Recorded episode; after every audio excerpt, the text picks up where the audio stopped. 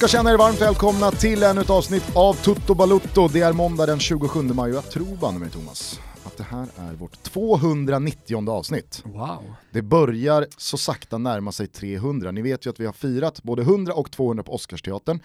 Eh, ingenting är klubbat än för 300 men Just vi kommer det. väl eh, lyfta ut den ur tågordningen så att vi kan göra något kul med den efter sommaren. Ja det tycker jag verkligen. Jag vet, att vi har pratat lite löst om det och jag är inne på liksom att höja ribban och, och flytta till cirkus och lite sånt där. Men du gillar ju Oscars Gustav. Mm, börjar känna mig hemma där. Ja. Annars så såg man ju Bianca Ingrosso och eh, hennes poddkollega Alice. De körde Globen i helgen. Varför kan inte vi köra Globen?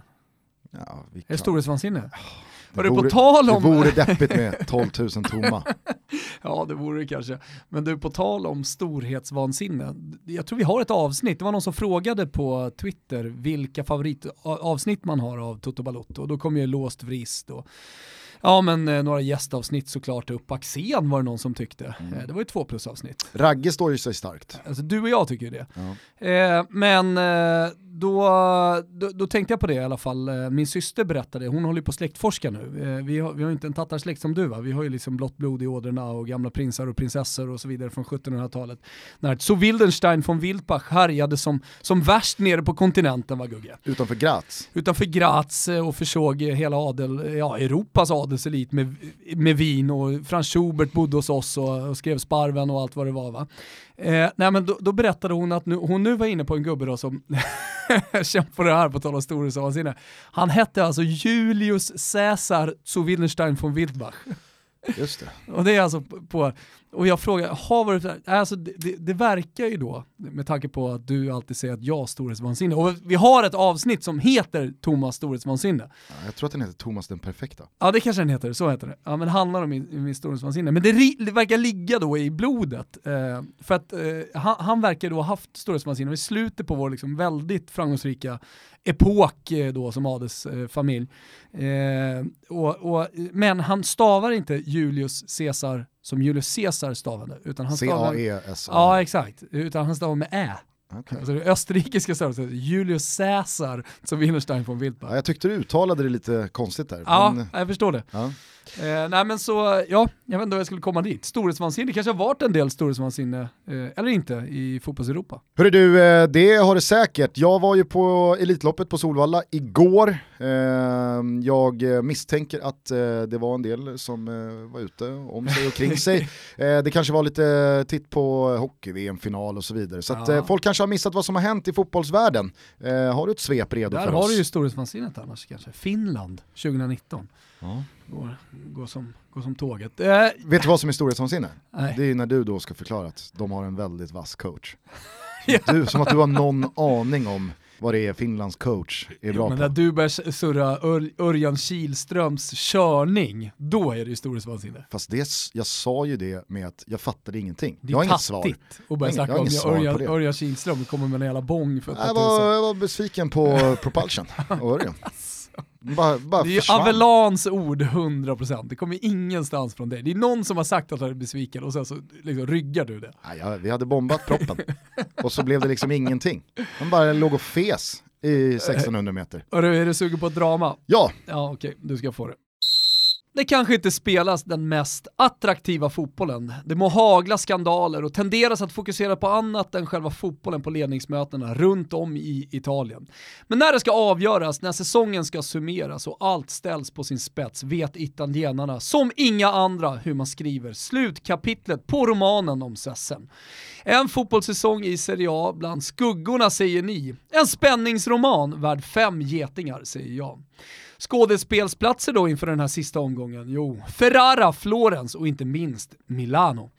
Samtidigt som de mäktiga Milanoklubbarna dansade tango vid vägskälet där den ena riktningen är fylld av pengar, ära och vem vet, kanske berömmelse. Samtidigt som den andra snarare är en snårig djungel med stigar som kan föra en klubb lite var som helst. Samma snåriga djungel som Milan vandrat i sedan Berlusconi började strypa inflödet av cash för snart tio år sedan. Ja, så vad hände då? Jo, Milan satte press, Inter kom tillbaka, men tappade och samtidigt som Fiorentina och Genoa höll mer koll på resultatet i Milano än sitt eget spel kom plötsligt Empoli tillbaka in i matchen på San Siro och kvitterade efter att poetisk rättvisa skipats då Icardi missade en straff som han inte skulle ha. Ja, ni hör. På Florens läktare satt Rocco Comissos högra hand Joe Barone, hette han så? Joe Barone Eh, och fattade förmodligen ingenting av vad som skedde. Efter en slutkvart på San Siro som innehöll allt, ja precis allt, jag räknade till 600-procentiga chanser som Backe skulle sagt, för Empoli där vi inkluderar bland annat en inneribba av Dambrosio rätt ner i famnen på Handanovic. För övrigt kvällens hjälte på San Siro. Ja, inte ens när Inter gjort 3-1 var det över. VAR visade sig från sin finaste sida, dömde bort målet och Keita Balde fick rött. Hänger ni med? I Florens jublades det i gemensam kör, men då sprang Empoli på en sista offensiv och var alltså en hårsmån från att lösa, inte bara förnyat kontrakt, men även CL för Milan och skapa total depression på San Siro. Ja, ni fattar att hävstången, alltså bara ett mål av Empoli där i slutskedet eh, hade varit monumental. Milan till Champions League alltså istället för Inter samtidigt som Genoa i Serie B och Empoli i A. Men nu blev det inte så. Men det var långt från någon glädje i Florens. Fate ridere, ni är ett skämt, ekade från Curva Fiesole. Och ni trodde att detta alltså var allt på slutomgången. Nej då. På Stadio Olimpico spelade Daniele De Rossi sin sista match i Roma-tröjan under ett romerskt, ljummet regn som symboliskt kändes som tårar från fotbollsgudarna. På knä framför sin kurva, på sina bara knän framför Lasud. Tårarna från Bruno Conti, Totti och alla på läktarna gjorde ont även i det här fallet ett neutralt fotbollshjärta. Nu lever vi alltså i tidevarvet efter Totti och De Rossi och jag vet inte med er, men jag har svårt att ta in det. Jag fyller 40 om ett par månader, men ingenting har fått mig att känna sån ångest över att jag nu förmodligen har passerat den där äh, speciella gränsen där döden närmar sig snarare än något annat. Det hände en massa andra grejer i helgen, men varken Charltons självmål, Balotellis röda eller något annat oviktigt bagatellartat i sammanhanget förtjänar att avsluta det här slepet. Slutorden går till honom. På min näthinna kommer De Rossi med läpparna på den plaskvåta löparbanan framför Kurva Sud. Var ett ögonblick som jag aldrig kommer glömma. Heder till den sista fanbäraren. Mycket, mycket fint. Det var väldigt starka känslor från Olympico igår. Alltså ja. när eh, de eh, rullar ut budisen där till Ranieri och han läser den och börjar gråta under matchen. Och, ah, alltså, nej, det var så fint. Alltså. Tappa, tappa fan eh, rösten här nu när, när satt och följde eh, Skys eh, sändning därifrån och då, då, då, säger de bara i ett tillfälle, för att eftersom det händer så mycket så är det då eh, sportchef från Empoli till Spalletti som gör sin sista match. Alltså i det här så finns det ju liksom många personliga öden, liksom, må, må, många resor som tar slut. Eh, eh, det ska pratas upp att Conte nu kommer bli officiell för Inter, vem tar över Juventus? Eh, ja, Fiorentina ska säljas efter en era med över 15 år med Della Valle och, och 23.30 så kommer det plötsligt in eh, då ett telegram att Fiorentina ska ha extrainkallat styrelsemöte redan idag. Empoli, som sagt, de klarar Genoa, Preziosi, presidenten, ska också sälja, han vill inte liksom, att hans fans ska behöva lida så mycket som de har gjort i år. Alltså det är så mycket som händer i den här slutomgången. Det var många eh, akter i det här dramat. Ja, otroligt alltså. Eh, man skulle kunna skriva nästan en bok bara om det här eh, faktiskt. Fan om man ska göra det alltså, om det är det jag ska göra. Så skriva en bok om den 38 omgången. Som jag sa också, en, en säsong som har varit i skuggorna om man ser liksom, i, i det stora perspektivet på fotbollsvärlden. Serie A, jävla dekisliga, Juventus avgör tidigt. Men det finns ju så mycket som innehåller och det här för mig är ju essensen av fotbollen inte nödvändigtvis vem som vinner en ligatitel eller vem som har de bästa spelarna. Och så har det alltid varit för mig. Därför på något sätt så blev den här sista omgången väldigt känslosam. Och dessutom då med mitt favoritlag Fiorentina som någon slags huvudperson i det här. Med eh, liksom den, den lilla chansen att också kunna åka i Serie B som, som eh, satte allting på sin spets för mig personligen. Och så mitt i det här så säger eh, programledaren på Sky bara Roma, solo audio, eller någonting sånt där. Liksom. Bara ljud. Och så liksom Rom.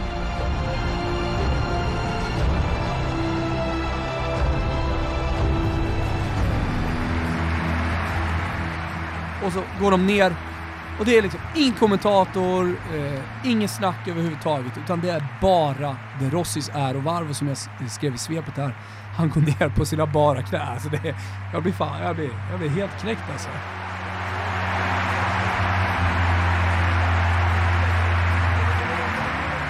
Det är otroligt. Det var fan, det var helt, det var helt sjukt. Ja.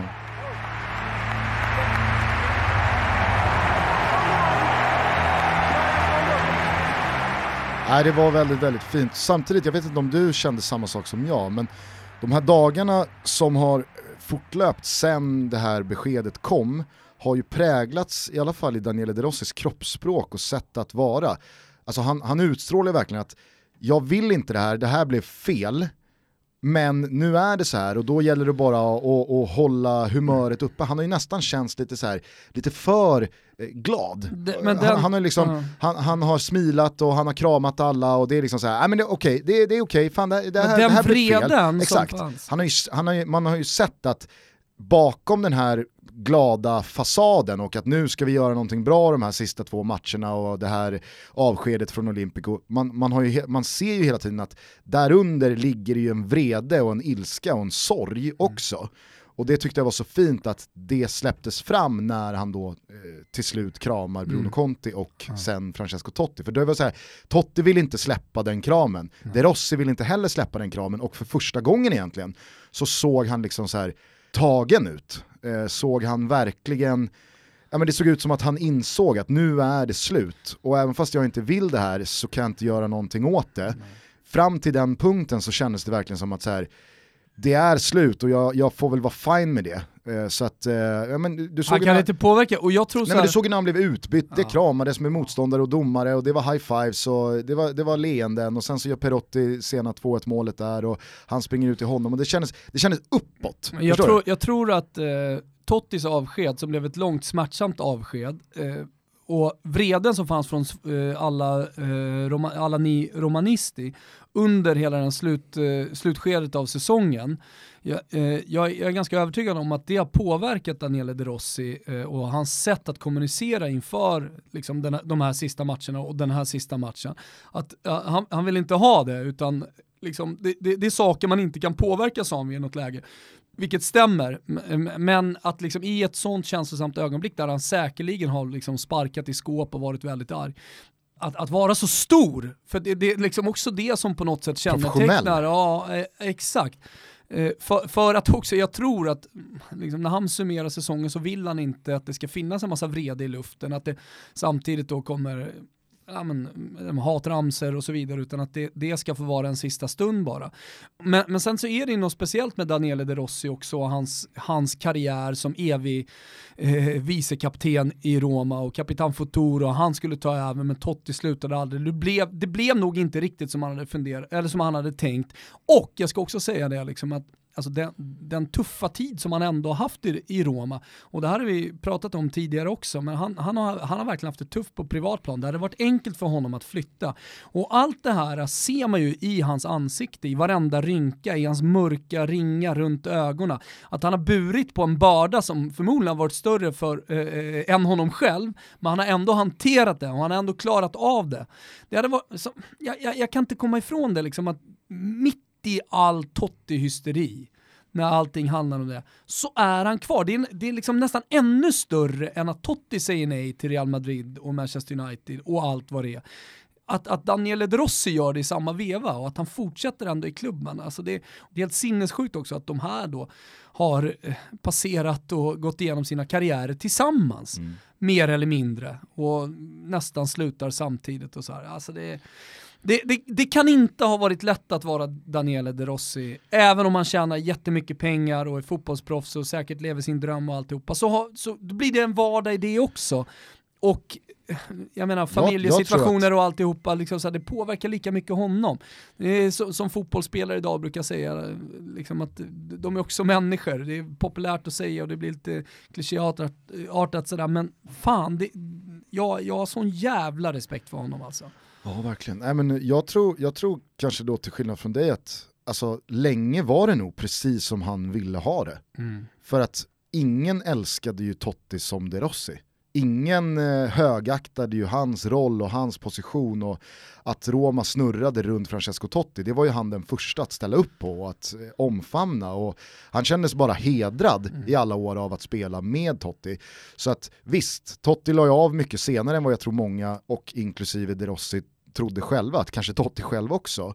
Men jag tror inte att det bekom De Rossi på något sätt. Däremot så tror jag att det här är ju det som inte blev som han hade planerat eller han ville.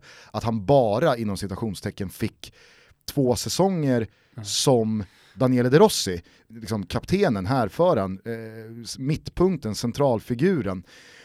Utan att han både ville och skulle ha fått en, två, tre säsonger till om han hade velat. Och han har ju bevisat på plan att han fortfarande är en stor tillgång. Han har ju bevisat i en rörig tid ägarmässigt kontra supportrarna, kontra eh, liksom Romas position i, i eh, näringskedjan, att han behövs för att vara någon slags han, shit han har ju, och länka han, ihop allting. Ja men det har ju verkligen varit där mot, mot supportrarna under hela Sensi-tiden som fick ett väldigt ja, men, tråkigt slut eh, fram till amerikanarna. Och nu även på slutet, jag tycker att han gjorde det fantastiskt också under hela Tottis avskedssäsong. Absolut. absolut. Eh, och, och, och, just att man ser det där i de där ögonen mm. eh, på löparbanan. Eh. Exakt, då släppte han ju det här, hålla humöret uppe, le mot alla och det ska vara liksom muntert. Mm. Då kändes han bara, fan, det, nu, nu är det över liksom. Mm. Och jag vill ingen vill där. Nej. Nej, det var, det, var, det var tungt alltså. Jag, mm.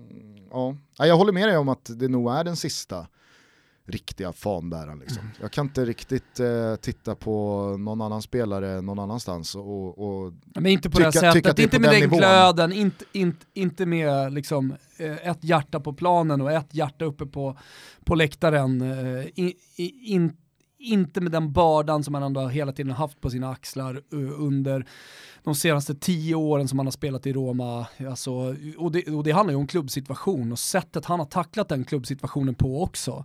Eh, väljer du titlarna eller väljer du, väljer du klubbemblemet, väljer du laget i, i, i ditt hjärta?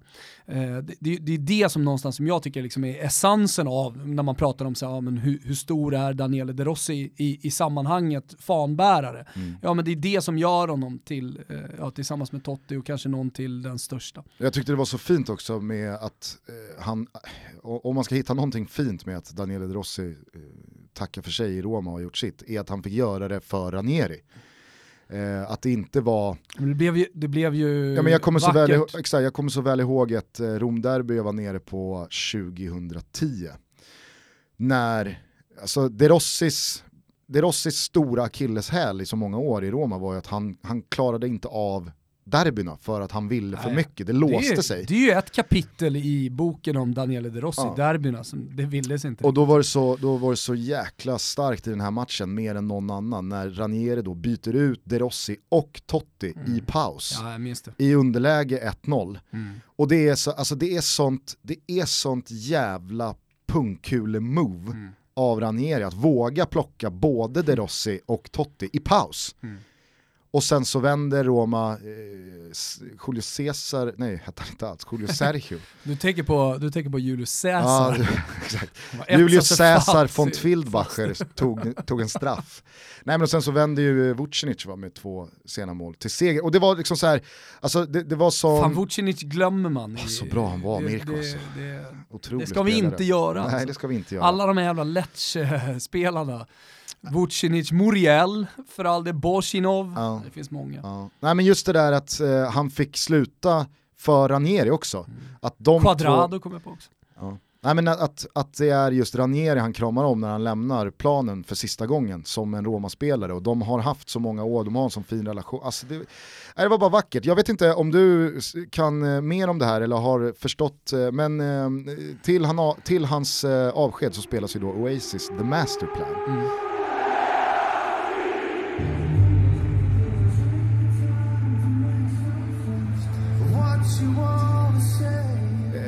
Eh, det blir lite ironiskt med tanke på att det inte alls var så här det skulle sluta. Det känns inte alls som någon jävla masterplan var det hans önskemål? Eller, Ja, alltså, Inget man pratar om Ja, i men du har inte- du har inte läst jag, någonting alltså, Jag har läst sett? mycket på morgonen men jag har inte läst en artikel om, om, om låtvalet faktiskt. Men Ja. det är säkert någon av våra alla fantastiska lyssnare som eh, mejlar till oss, fortsätt göra det. Gusten försöker svara på allt, totobalutta.gmail.com. Eh, försök och inte, alltså ni får jättegärna skriva DM på, på Insta och sånt där, men det, det kan hända där eh, att vi missar vissa saker. Så att, eh, vill man ha svar från Gusten, inom parentes, eh, så, så skriv till totobalutta.gmail.com. eh, nej men om det nu skulle vara så att det faktiskt kanske är Daniele De Rossi själv Mm. som har haft ett finger med i spelet Det- av låtvalet. Eller så är det så, här, så, Så- italienarna säger ja det blev the masterplan. Det Fan. vore så jävla ovärdigt att bara rycka en låt. DJ. Ja.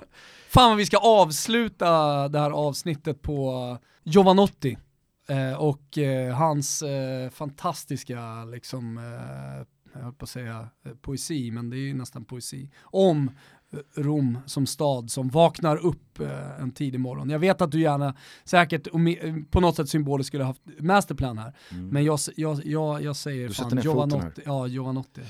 Ja, nej, det, var, det var väldigt tunga, tunga bilder att skåda och uppleva. Det, Ja. det, det kommer vara, som, som jag sa för någon vecka sedan där, när beskedet kom om De Rossi, att, jag vet inte, jag tror inte, jag tror inte så mycket kommer vara så likt efter det här. Vi är sponsrade av Sveriges bästa bostadsförmedlare, Tveklöst. Erik Olsson. Tveklöst. Precis, och ni har ju de senaste veckorna fått lära er att Erik Olsson, ja, de eh, huserar de absolut bästa mäklarna there is på marknaden. Det är Sa jag att det var lokala- tveklöst? Du sa att det var tveklöst. Ah, okay. Det är lokal expertis, det är visningsgaranti, det är bäst betalt och så vidare. och så vidare. Vi, you har ju, name it va? vi har ju tillsammans med dem eh, skickat ut ett Nordic Wellness-kort för alla som säljer sin bostad med Erik Olsson. Man har dessutom kunnat anmäla intresse för att ha dig och mig som visningsvärdar. Ja, det kan man fortfarande va? Här på målrakan innan sommaren så slänger Erik Olsson in ännu mera godis i potten. Nämligen att om man värderar sin bostad Ja men det är många som gör. Erik Olsson, Ja, man är på väg att sälja till exempel, man vill veta ungefär var man står. Eh, så kan man ju ta en värdering va? mm, då skickar de in en hotellövernattning med frukost. Så att eh, man värderar sin bostad tillsammans med Erik Olsson och då så får man en hotellövernattning med tillhörande frukost. Ja, det är faktiskt otroligt generöst. Det är lite för generöst. Ja, nästan. Ska jag snacka med dem där borta om de verkligen menar allvar. Men det gör de ju. Det är klart att de gör. Gå in på erikolsson.se totobalutto för att läsa mer om det här. Vi lyfter på hattarna och säger stort tack till Erik Olsson för att ni är med och möjliggör Toto Balutto. Tack, tack, tack. Hörni, vi är denna vecka sponsrade av Stadium och det tycker vi är så roligt. Vi och eh, Stadium är tillsammans väldigt, väldigt peppade på fotbolls-VM i Frankrike som drar igång i början av juni. Ja men herregud, eh, nu har man, som jag sagt tidigare också, men nu har jag redan hyrt lokal, vi är ett hundratal barn som ska sitta och kolla och det ska bli så jävla roligt. Första matchen mot Chile Gugge! Helvete, det är bara vinst som gäller. Till denna premiär så tycker ju vi och Stadium att ni borde kitta upp er supportermässigt och därför så slår nu Stadium upp sina supportershoppar i sina butiker. Som ett litet körsbär på tårtan så är det eh, tre för två på alla supporterprylar. Ja det är helt otroligt och det är generöst av dem också och man förstår ju Stadium i det här läget att de vill ju färga Sverige gult och blått. Så låt oss se till att hela Sverige, precis som VM förra året, är just gult och blått när tjejerna drar igång. Vi säger tack till Stadium för att ni är med och möjliggör Toto Balutto och vi i gemensam kör säger kör nu Sverige. Forza Gulo Gulo! Men eh, det var ju som du var inne på i svepet, inte bara på Olympico det hände grejer. Hur, hur mådde Fiorentina hjärtat igår? Så, så nära var det väl aldrig att det sket sig totalt för just Fio. Men det, var, ju ett drama. Ja, men i och med att det hände så jävla mycket och att det, Empoli till slut kom upp och kvittera med bara kvarten kvar, jag menar då, då var ju Genoa ute och då började de gå för det. Och då började man ju fundera på, liksom, fan tänk, alltså då, då blev det ju några minuter av så här, för mig lite spänning, men det var, annars var det ju Genoa som levde riktigt farligt såklart. I och med att Empoli var så otroligt nära. Men, men att de får så många chanser. Eh, att de är så nära efter att de får 3-1 borta, efter, att Inter får 3-1 borta eh, dömt, eh, Empoli alltså, att, att kvittera. Du vet, klockan är uppe på 97 någonting, det blir en VAR-situation där. Det, det, det, det var otroligt såklart. Och jag menar, där sitter ju alla milanister och kollar på matchen också. Det var så många inblandade i, i, i, den här slutomgången. eh, jag tror inte, alltså det spelar väl inte så jättestor roll för Roma, men Spal kommer ju faktiskt upp och kvitterar till slut mot Milan. Och för Romas del så hade det ju kunnat betyda att eh, man slipper då kvala till Europa League om man tog femteplatsen. Nu var ju det verkligen bagatell. Men, men du vet, det var väldigt många i alla fall som var inblandade i dem. Det var många små, är, små historier i, den stora, att det är i det stora slutkapitlet. Som, som kvitterar för Parma mot Roma i 83 över det. Han mådde ju inte bra när han gjorde det målet. Nej.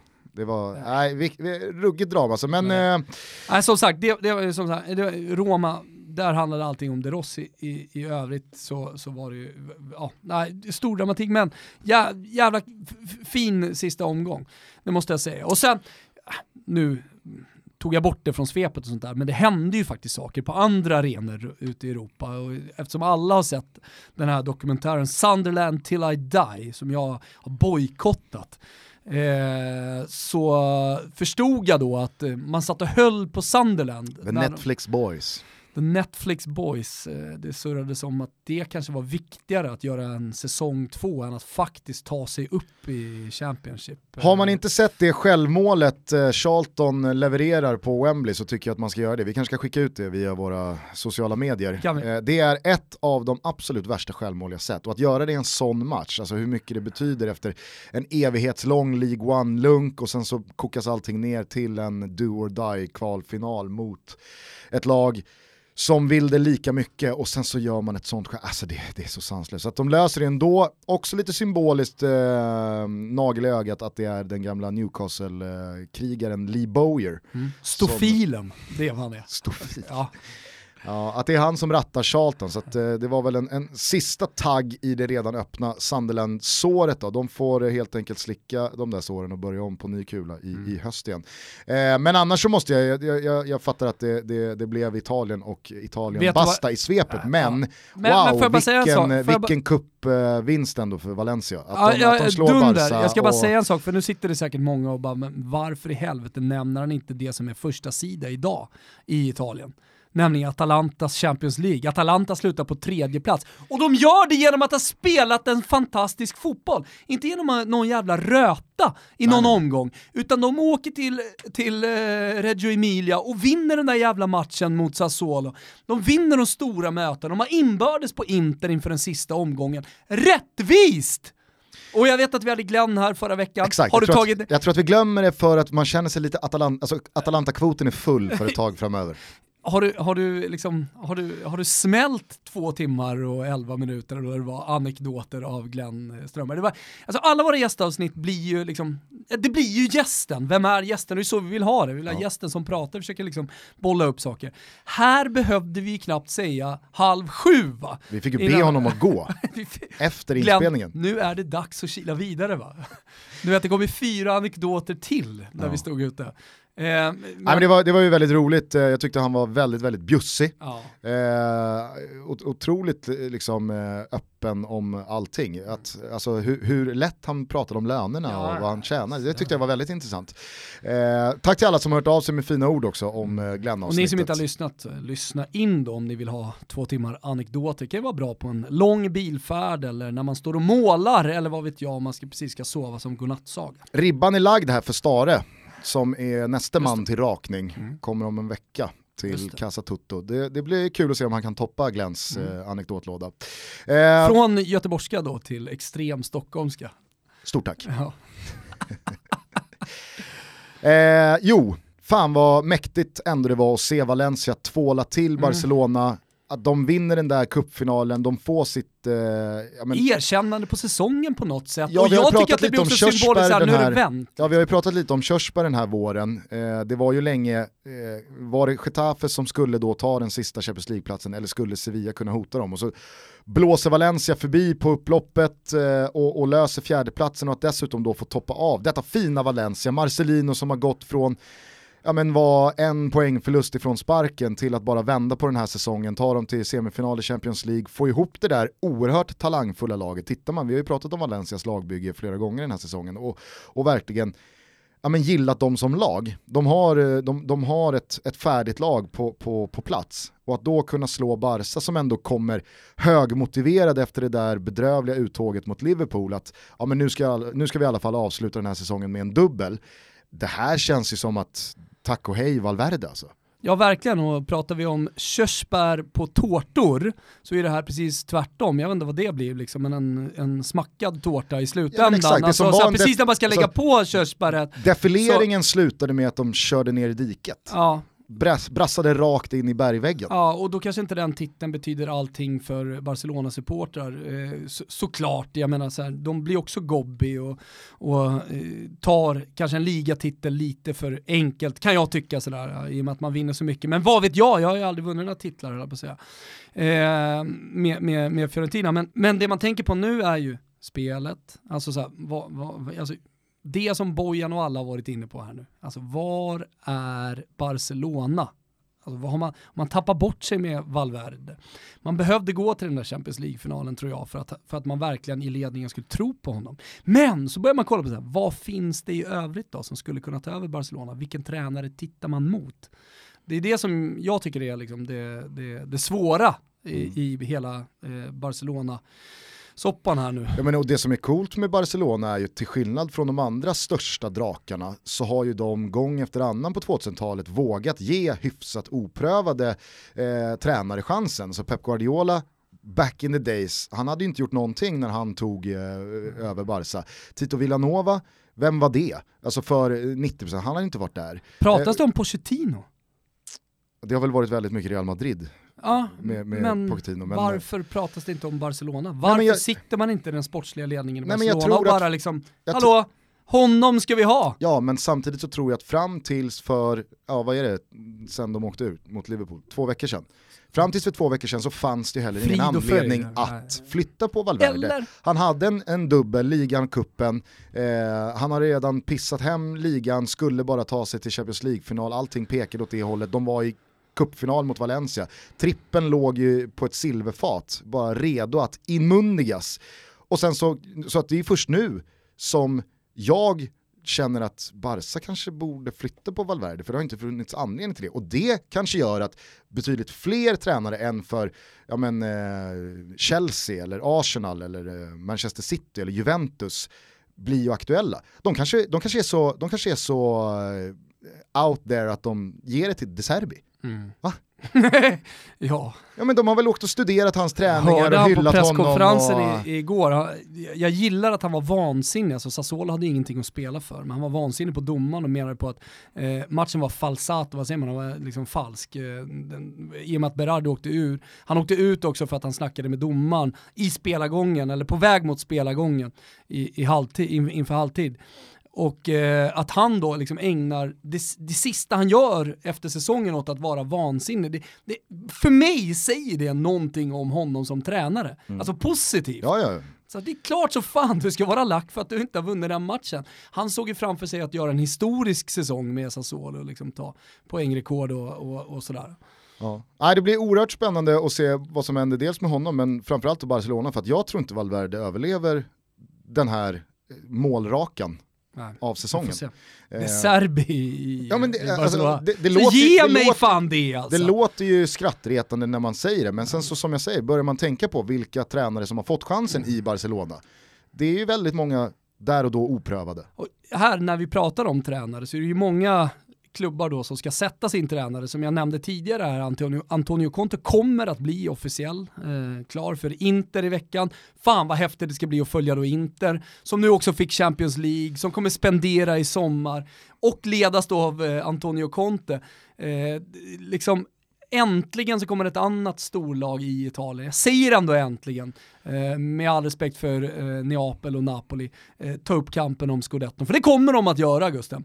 Och så ska Sarri då gå till Juventus. Och här skulle jag fan vilja hylla det valet. Jag vet att många Juventus-supportrar känner att fan, vadå, efter alla de här stora tränarna, alla, men Conte, Allegri, gått till Champions League-finaler, vunnit åtta raka titlar, vad ska hända med Sarri, som aldrig vinner en titel, eller det får vi se i Europa League-finalen då, men eh, Sarri som står för spel snarare än vinnarmentalitet. Alltså det blir en helt, ett helt annat Juventus, eller hur? Ja, ja verkligen.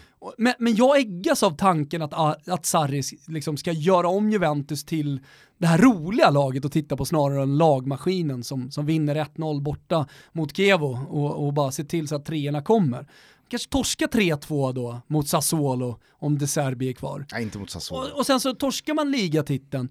Men fan om inte Sarri med, med det här spelarmaterialet och med Juventus ledning i ryggen, för det får man inte heller glömma bort. Liksom han, det, det finns ju massa som man brukar säga då, liksom, eh, i väggarna i Juventus så, så, så ligger då eh, titel, titlar och, och liksom vinnarmentalitet och alltihopa. Att det räcker och för att det ska bli perfektion med Sarri, kanske inte för att vinna ligatiteln, men för att gå hela vägen i Champions League som allting handlar om. Det har ju varit väldigt eh, restriktivt från Juventus håll då att prata om Allegri. Eh, det har ju bara varit fokus på att hylla honom de här sista matcherna. Men vad säger italiensk media, vart placerar de Allegri? Just nu så lutar det åt ett sabbatsår. Alltså Men kanske det, öppna sig i Barca då, då? Ja, det kan nog öppna sig lite här och var beroende på liksom hur de engelska lagen också agerar efter säsongen. Det, det vet vi ju inte. Eh, men eh, det som ska sägas med Juventus det är att de med största sannolikhet går på någon som kan den italienska ligan, den italienska fotbollen snarare än någonting utifrån för att det blir en för stor omställning. Eh, man pratar till exempel i studion väldigt mycket igår om att det nästan blir lite av en interim, att Sarri nästan blir lite av en interimtränare, att man känner på det. Blir det katastrof, ja då får det väl vara det då. Så plockar man Pep Guardiola sen mm. istället.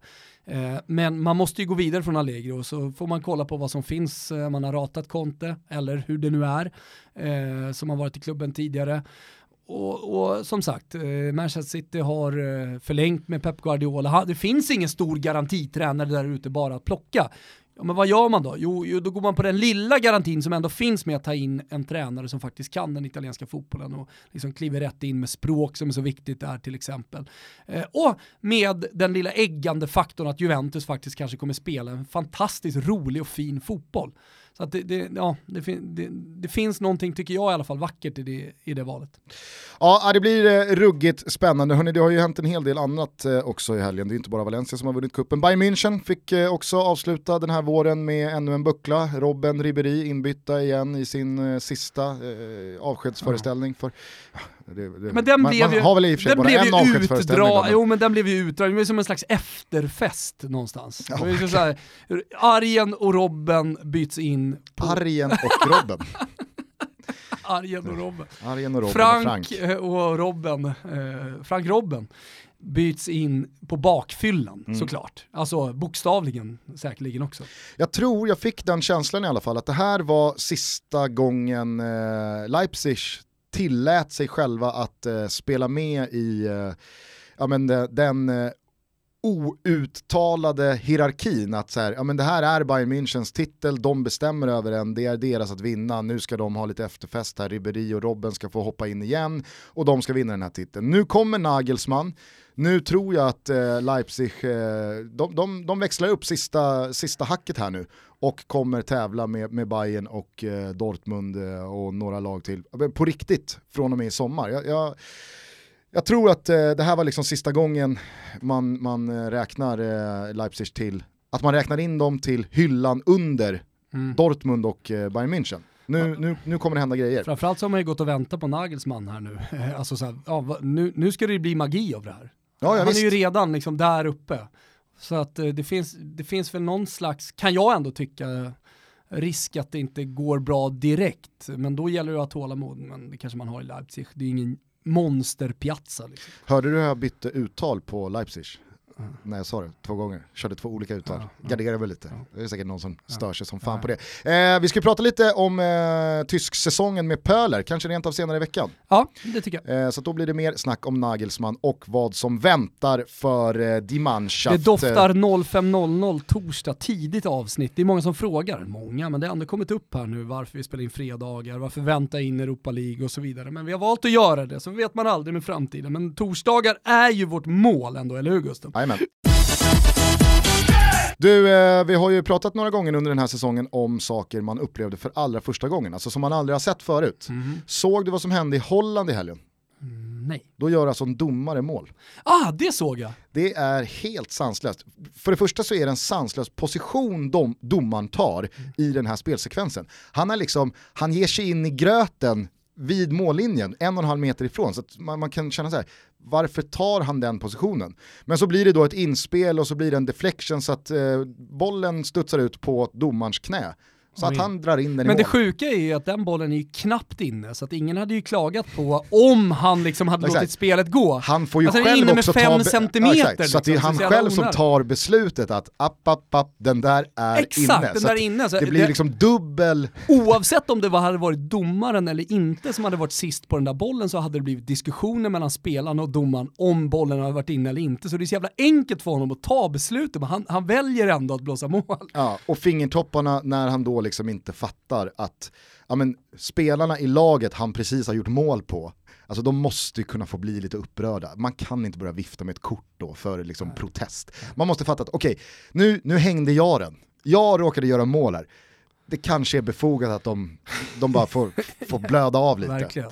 Nej, sanslöst alltså. Det här ska vi också få ut på vår Instagram. Följ oss där, Tutto Balutto. Vi börjar närma oss är det. 25 000 va? Mm. Hör du, eh, hel del eh, intressanta nedslag också från den allsvenska helgen. Göteborg seglar vidare, medvind i de där seglen, de är ju styva som eh, en, en pojk. En Vad ska du säga nu Gusten? Nej men alltså... st- Just att de gör det på, gör, alltså, gör dem på det sättet också, 97 liksom. det är Söder som gör det, ett klassmål, Bravi, alltså de får trycka till. Jag, alltså, jag, jag skickade ut en, en tweet i början av förra veckan där när, när eh, Lund frågar Poja efter eh, matchen mot Bayern att ah, men nu väntar ett eh, derby mot Häcken, de har varit bäst i stan senaste åren, hur ser du på det? Och Poja, tycker jag då, eh, liksom snurrar bort sig i att ja, men bäst i stan går att diskutera. Jag, vet, alltså, så här, jag tycker inte att man kan diskutera, om, om Häcken nu har varit, vilket de har, de två senaste allsvenska säsongerna, Punkt. har de ju varit bättre än Blåvitt. Ja, Då, då, då kan man väl bara eh, förhålla sig till det. Tydligen, jag fick ju min, alltså, jag, jag, jag, vad säger man? Jag fick mina fiskar varma för det här, för det var ju väldigt då många eh, Blåvitt-supportrar som menade på att jag inte förstod vad Poja menade och det är, någon, det är någon skev jävla grej där med hissingen Göteborg, bäst i stan, egna produkter. Men är Vet du vad jag är ruskigt så, trött på? Solna, inte Stockholm och så. Exakt, dels det, men vet du vad jag är så fruktansvärt trött på? Och som jag, som jag är liksom fascinerad över hur mycket energi och tid folk lägger på.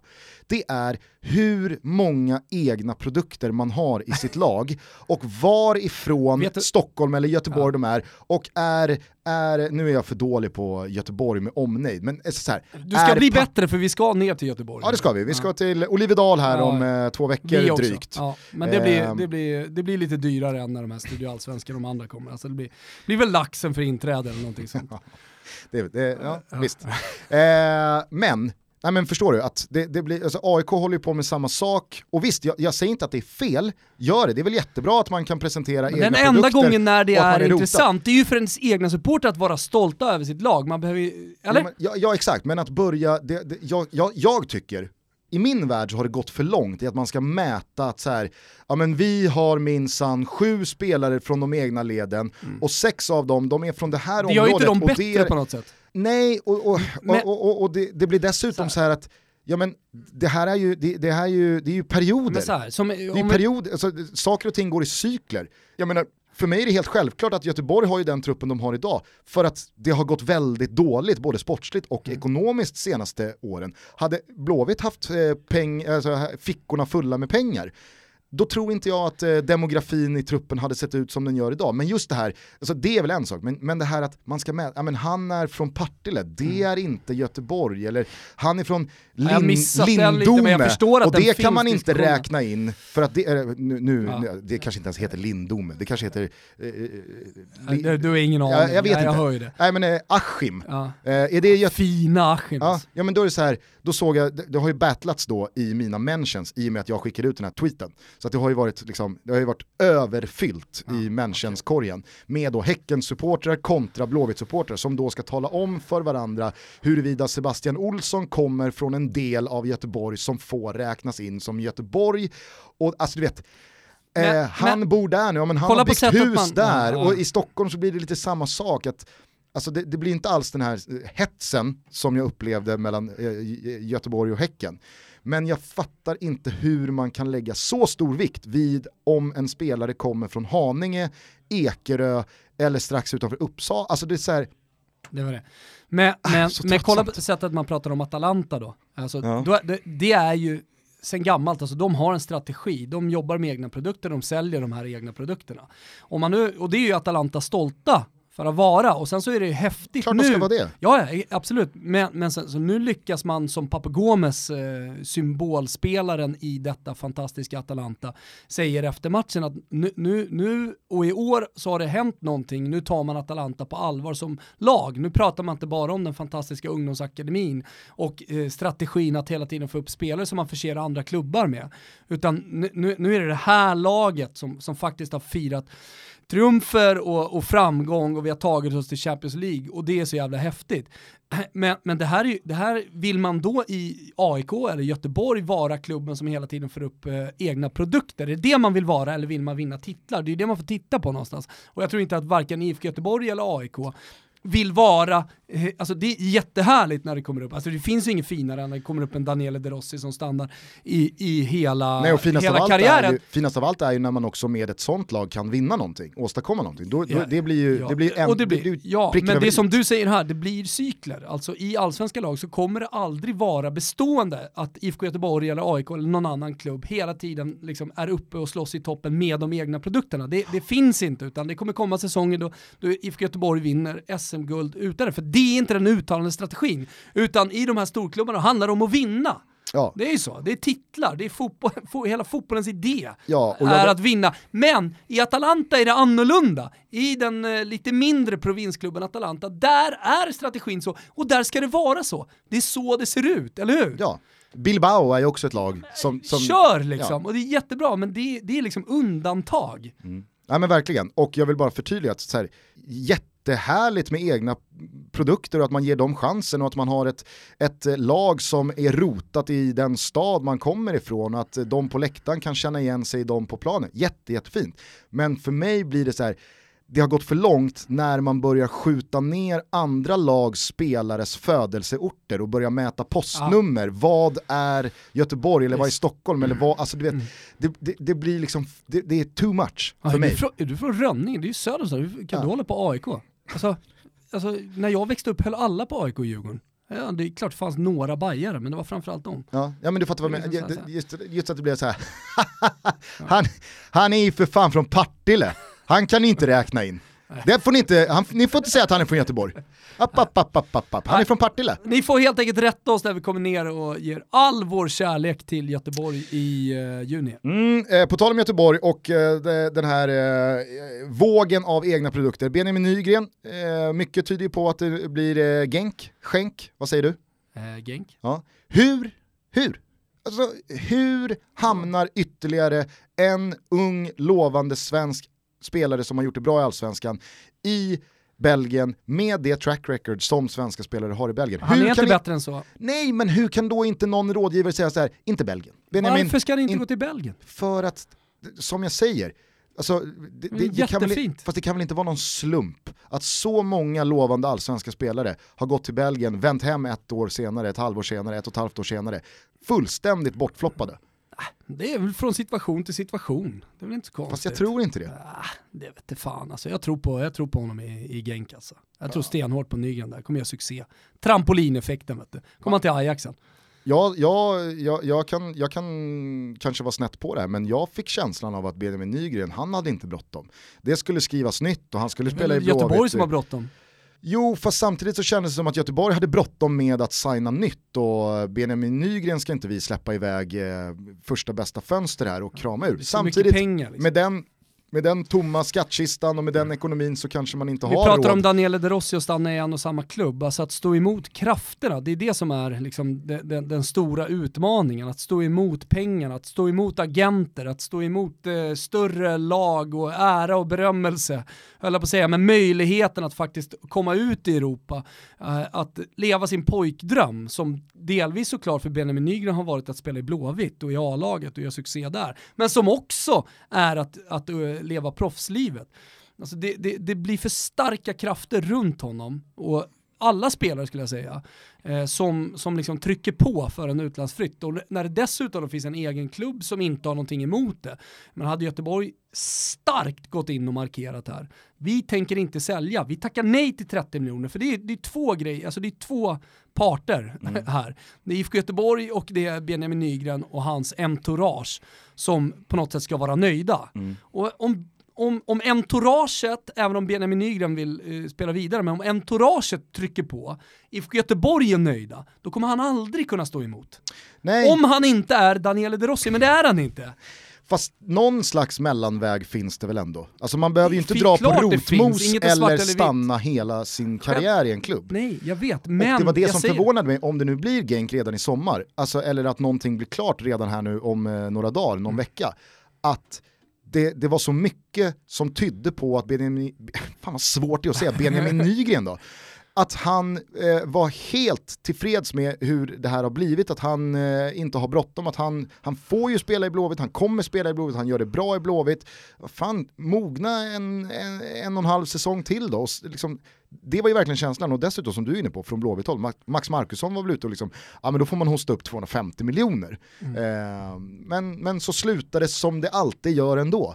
Med 30 någonting till Belgien och sen så såg jag eh, han frågar åt en kompis på Twitter skrev Jaha, vem hugger Benjamin Nygren om en ett och ett halvt år då när han ska vända hem från Belgien? Klart att den sannolikheten finns såklart också, men den blir väl Blåvitt och fan komma tillbaka. Men eh, då har han också tjänat pengar, då har agenterna tjänat pengar och då har IFK Göteborg tjänat pengar. Mm. Så i slutändan så blir det bara vinnare kanske ändå. Ja, tänk på den du. Det vet fan alltså. Men det vore ju roligt då om det, vad, vad kan det trilla in? 30?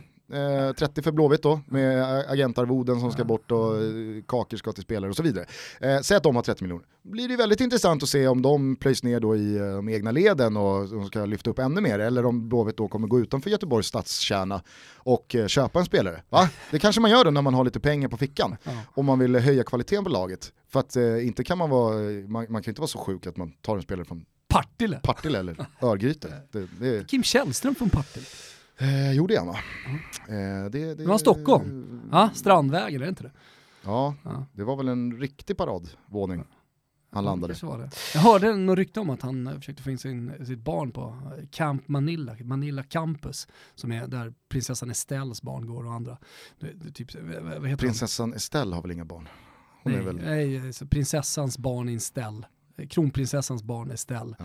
Jag, jag tror även Swedish House Mafia, vad heter han? Heter han Ingrosso också? Nej. Mm, ja, Jo, han heter det. Eh, Jag tror, jag tror även hans barn går där. Men, men Kim Källström, han fick nej från Campus Manila. Nej, nej, nej. Där går fan vår gräns. Inga fotbollsspelare från Partilles barn ska gå i den här skolan. Det kan jag ändå gilla. Ja, Att de inte tummar på, Nej. inte tummar på det. Eh, hörru du, om några timmar så är det ju då miljardmatchen, Aston Villa Derby.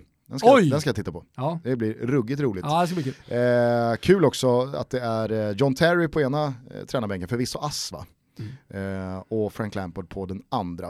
Fan jag har saknat lite sådana matcher och där, där det är eh, liksom make it or break it. Eh, Det kommer vara himmel för ena laget och helvete för Ja men som för Sunderland laget. igår. Ja, ja verkligen. Eh, sen blev jag väldigt glad också eh, i morse när det förkunnades att Afrikanska mästerskapen är Ja. klara. Ja, ska vi kika på Ja, det i, ska vi i sommar. Så kommer eh, dam-VM här i, i juni. Det blir en fin sommar ändå. mm, några saker som man vill trycka på då. Det är ju dels ICC i sommar, International Champions Cup. Jajamän. Jajamän, eh, som då spelas mellan eh, några av världens största klubbar. Bland annat så kommer en match spelas på Friends Arena och det är den mellan Juventus och Atletico Madrid. Eh, det kommer vi haka på. Eh, man kan då vinna matchbiljetter hit, eller hur Gustav? Precis, till eh, sig själv och eh, en polare och man gör det genom att vara fyndig, kreativ eller helt enkelt bara huvudet på spiken i den Champions League-11 man tar ut under hashtag TotoPepsi11. 1-1. Ja, men- Ägna några minuter åt detta. Jag blev Eh, väldigt glad när jag såg någon i hashtaggen i morse som hade tagit ut, även fast han inte spelade i Champions League den här säsongen, Pepsi Maxwell. ja, Det var kul. ja, det var roligt. Han fick en plats i laget även fast han inte har spelat Champions League den här säsongen. Så att, eh, var hur kreativa ni vill. Eh, ni skickar in ert lag och sen så kör vi på den här tävlingen hela vägen fram till den 16 juni. Kul. Fina fina priser i potten då. Och sen så får vi väl eh, lyfta på hatten för eh, Strivan, för Strive, för eh, en väl genomförd första säsong Otroligt med bra. både La Liga och Hörde du. Husfeldt igår på, i, i Milano? Sanslöst vad han gick upp i falsett och det förstår man ju. Ja. Empoli måste göra mål för att rädda, rädda kontraktet. Bort av Skriniar. Och se här igen! Sariojan! Här kommer chansen! Och här kommer räddningen! Och Handanovic! Han gör det igen!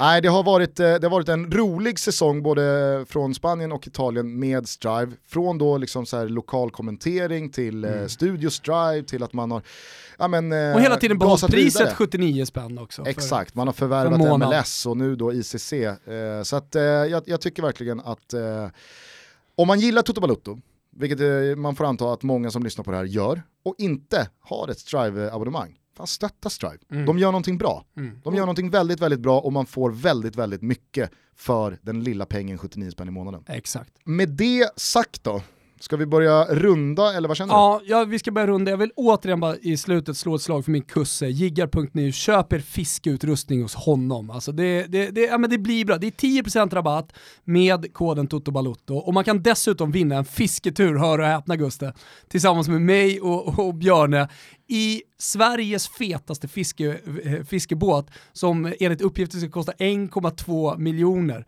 Eh, så att eh, det, det, kan bli en ruskigt fin upplevelse för någon. Eh, och det enda man behöver göra, gå in på jiggar.nu oavsett om det är nybörjare eller fiskeälskare sedan gammalt eh, och, och, och ta del av 10% rabatt. Enkelt, jiggar.nu. Hörde du alldeles nyss, Pertan Karlsson i landslaget. Skämtar du? Nej, det är ju, alltså, Granen har ju problem med sina ljumskar. Ja, ja, ja, men att det Vigge har, Vigge har tackat nej och eh, Ponne är väl också väldigt, väldigt tveksam. Han kanske rent av eh, inte har tagits ut. Så att, eh, det fanns ju verkligen plats för mittbackar i den här truppen. Gudetti är tillbaka också. Jigge tillbaka, ah, ja okej, okay. men det kändes nästan så på Janne när han var här. Ja, men, vi pratade ju lite, kanske inte med Janne om det, men vi pratade ju om det kring eh, Guidetti. Sebastian Andersson är ju ett väldigt tacksamt offerlamm. Ja. Det upprör ju ingen att steka Sebastian Andersson Nej. för att göra plats för John Guidetti Nej. tillbaks. Sebastian Andersson hade ju behövt starta och göra mål för att stänga Guidettis chanser. Där har du, där har Men nu blir han, han har gjort något mål under våren, han har spelat en del i, i Alaves, men just med allt eh, det som blev kring eh, Victor Nilsson Lindelöf eh, och, och hela den diskussionen så var det ju väldigt väntat att han skulle tas ut. Men, ja, vad, vad, vad, Nej, vad alltså, tycker du om att han är tillbaka? Jag har absolut inga problem med det, alltså med tanke på den rådande anfallssituationen som, som är i Sverige, liksom utan stora stjärnor. Och, jag menar, så, fan, nu ska Marcus Berg, ja vad ska han göra? Ska det bli Qatar eller blir det hem till Göteborg? Eh, så, så, så, är det inget konstigt, alltså, för, för mig att John Guidetti är med, spelar alla väst, fan, ja, klart han ska väl med liksom. Mm. Konkurrensen är inte stenhård, det är det jag vill säga. Och... Fan Marcus är ju... Berg är ju från, eh, han är från Värmland, han är från Karlstad. Ja, han kan ju inte vara i Blåvitt. Alltså. Det, det blir ju liksom, fan en jävla värmlänning liksom i laget. nyligen fyllda 27 bast. Och jag menar så den spelartypen som John Guidetti är, som blir mer och mer kanske en target och utvecklar eh, sitt spel åt det hållet. Eh, kan, ändå tycka liksom att det finns en intressant framtid. Jag skulle, fan en 27-åring, jag vill prata om framtid hos en sån spelare. Vad händer i sommar? Jag har fortfarande tro på John Guidetti att det ska explodera någonstans. Sveriges Balotelli? Lite så Du överger ja, men, honom alltså, inte? Helt ärligt, han är Sveriges Balotelli. Det ska bli kul att ha John tillbaka igen, det säger ska... Janne. Okej, han säger det. Ja. Är du inne här på Expressen? Nej, Fotbollskanalen. Jaha, han är Expressen, team Fotbollskanalen. Ja, team eh, stora skrällen då, Pertan Karlsson, Carl-Johan Jonsson, Kribben, Robin, inga skrällar på målvaktssidan. Försvarare, Ludde, Granen, Helander, Hult, Ponny är med, härligt. Pertan, Kraft, Lustig, Milosevic, Eh, raka vägen in från eh, Nottingham. Mm. Fin intervju med eh, Milosevic i Expressen, eh, som Anel Avdic har gjort, mm. om man vill läsa den. Hör du, Sebastian Andersson är med. Ja, han är det. Ja, Marcus Berg är med, Viktor Claesson är med, Durmas är med, Albin, Emil. Durmas dundersäsong, slår ett slag för honom, start nästa match. Forsberg är med, Inget Schall på eh, linan där, Janne håller sitt ord om att det var molnfritt på himlen. Guidetti, Alexander Isak, Jakob Johansson, Sebastian Larsson, Kristoffer Olsson, Quaison, Gustav Svensson. Men vad fan. Stor i truppen. Han, alltså, han har plats för både Quaison, Isak, den, Berg, Gudetti och Sebastian börja Andersson. Börjar kolla på den stora listan? Va? Slängde den lilla listan? Har, Nej men Sam Larsson. Har Janne glömt Sam att vi, Larsson. Sam är out, vad fan. Ja. Ken Sema också. Ja du ser. Där men, har alltså, du. Fem forwards och vi ska möta Spanien på bortaplan. Ja. What's cracking Janne? Janne åker till Bernabéu för att gå för tre pinnar. 24-3-3 med tre renodlade strikers. Framförallt så kör vi Pertan där bak. Alltså, stenhårt. Pertan där bak. Tänk, alltså nu är det ju verkligen så, alltså Granen, här, här har Janne uttalat sig om att han är, han är hoppfull för Granqvist. Men det har ju alla som har följt Helsingborgs vår här sett att Granqvist har haft problem. Har han inte blivit lite tjockare Granen? I, i plitet? Lite plufsigare. Lite. Ja. Men det ska han få unna sig Absolut, så här absolut, absolut. på, på, på inga slutet av karriären. Alltså. Nej men och så Ponne vet ju vi, eh, alltså han, han missar ju inte en kvalmatch mot Derby i första taget. Det var ju någonting illa där. Eh, sen så får vi se om, om det är fullt återställt eller Ja, om man får chansa. enligt eller så mina här. uppgifter som, eh, som, som jag hade så, så, så, så hade han ändå kunnat spela den matchen. Just. Tänk då va, tänk om det skulle bli så att Ponne inte kommer till spel, inte heller Granen, och så blir det Pertan och Milosevic mittbackar. Då kommer man inte orka med AIK Twitter. Då kommer man inte orka med Eller AIK Twitter, Twitter. överlag, alltså, alla som ska tycka. Nej, och så, så Lustig springer på högerkanten där och så ska du börja, och så Sebbe Larsson centralt. Herregud. och Alex alltså. Isak på topp. Nej, Ponne får faktiskt Ponne får lösa en, en frisk tass här. Jag orkar inte med den gnagetvågen som då blir. Och så Quaison och Isak på topp, va? Det går ju inte. Det går ju inte. Tänk om, tänk om Sverige ställer upp med Eller i något läge spelar. Lustig går till Gnaget här i dagarna, det blir klart liksom. Ja. Och så blir det Milosevic, Pertan, Sebbe Larsson på fältet och Quaison och Alexander Chris Isak Olsson. på topp. Och Kristoffer Olsson. Alltså det, det, det är ju AIK. Ja. fan händer? Det är så mycket Gnaget över det här laget. ja. Så att det är sanslöst alltså. Nej det orkar vi inte med. Så att eh, Janne får, eh, han får eh, sätta några på kvisten och så får Ponne och Granen helt enkelt eh, vara fit for fight. Hörni, det blev stolpe ut på Toto-trippen i helgen men på lördag är det Champions League-final. Tottenham mot Liverpool, du och jag gör en riktigt härlig trestegsraket till Jajamensan. Toto-trippel. Nej. Den här kommer ni hitta som vanligt under godbitar och boostade odds. Så fan vad jag gillar Betsson. Jag känner en, jag känner en tacksamhet och en glädje gentemot eh, våra sponsorer eh, lite extra i det här avsnittet. Ja. Strive, fin säsong de har gjort. Ja. Pepsi, givmilda, generösa, roliga tävlingar. Får ut det bästa av våra lyssnare. Och så Betsson, Ja. som en trygg famn, Ja, som en god vän. Erik Olsson blir ju då körsbäret på tårtan. Ja. Ja. Och Stadium kommer in och liksom vill uppa VM i Frankrike och man känner peppen gentemot eh, damerna och Ja. landslaget och Stadium är med och blåser igång det. Fan det är, Det är härligt! det är härliga tider. Hörni, tack för att ni har lyssnat och eh, ta hand om er. Jag hade önskat att gå ut på The Masterplan men Nej, nu blir det... Det blir Giovanotti som sjunger om ett Rom som vaknar upp och det är ju precis vad Rom gör. Det är melankoliskt eh, och det är onekligen de känslorna eh, som just nu eh, går igenom din kropp Gusten, min kropp och för all del alla andra romanister inte minst då eh, idag när vi vaknar upp utan Daniele De Rossi i Roma. Vi lämnar över till Giovanotti. Grazie Daniele. Ciao tutti! La notte è più bella, si vive meglio per chi fino alle 5 non conosce sbadiglio e la città riprende fiato e sembra che dorma e il buio la trasforma e gli cambia forma e tutto è più tranquillo, tutto è vicino e non esiste traffico e non c'è casino, almeno quello brutto, quello che stressa, la gente della notte è sempre la stessa, ci si conosce tutti, paese, sempre le stesse facce, mese dopo mese, il giorno cambia leggi e cambia governi, e passano l'estate, e passano gli inverni, la gente della notte sopravvive sempre, nascosta nei locali, confusa tra le ombre,